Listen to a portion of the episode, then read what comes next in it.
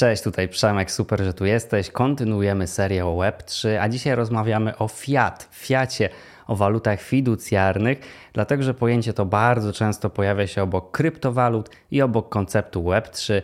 Wszystko Ci dzisiaj wyjaśnię. Zapraszam.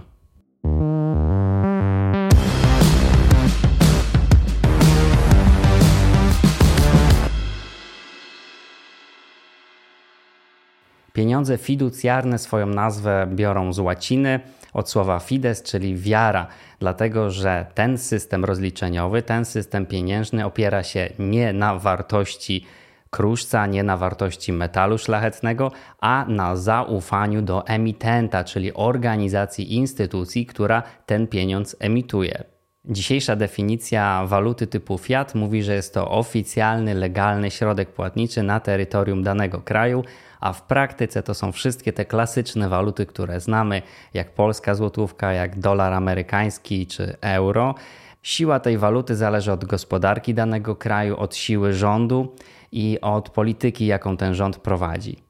Współcześnie waluty typu fiat emitowane są przez banki centralne i właśnie przez nie regulowane. Ta konieczność regulacji istnieje w każdym kraju, dlatego że poprzez nią można wpływać na przykład na inflację, inne duże wskaźniki ekonomiczne, więc to państwo poprzez dostępne instrumenty finansowe, poprzez stopy procentowe reguluje ilość tego pieniądza, tej waluty fiducjarnej w obiegu.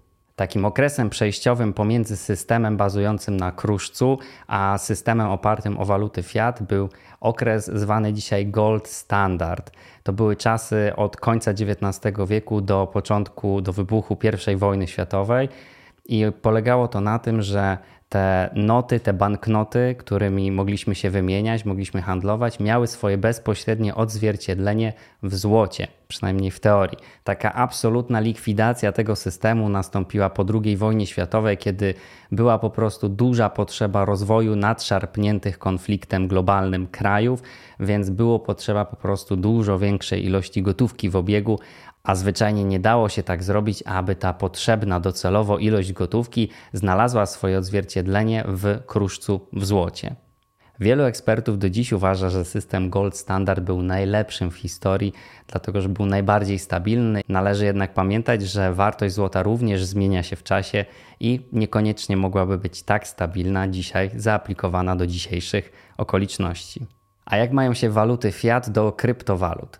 Mają w zasadzie takie części wspólne, dlatego że kryptowaluty również nie mają swojego odzwierciedlenia w żadnym kruszcu czy metalu szlachetnym.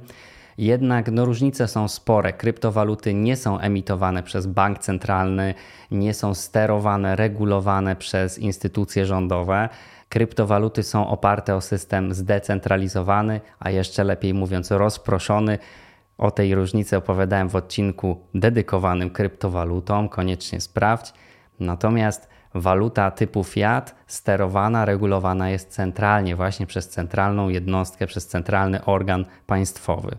Kryptowaluty mają tę wyższość nad walutami typu fiat, że mają ograniczoną podaż, nie są więc w stanie doprowadzić do hiperinflacji, nie są więc w stanie doprowadzić do jakiegoś większego kryzysu finansowego.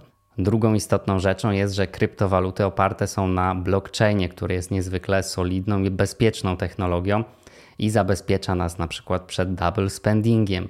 Nie jesteśmy w stanie anulować transakcji, która się zadziała, nie jesteśmy w stanie nią manipulować.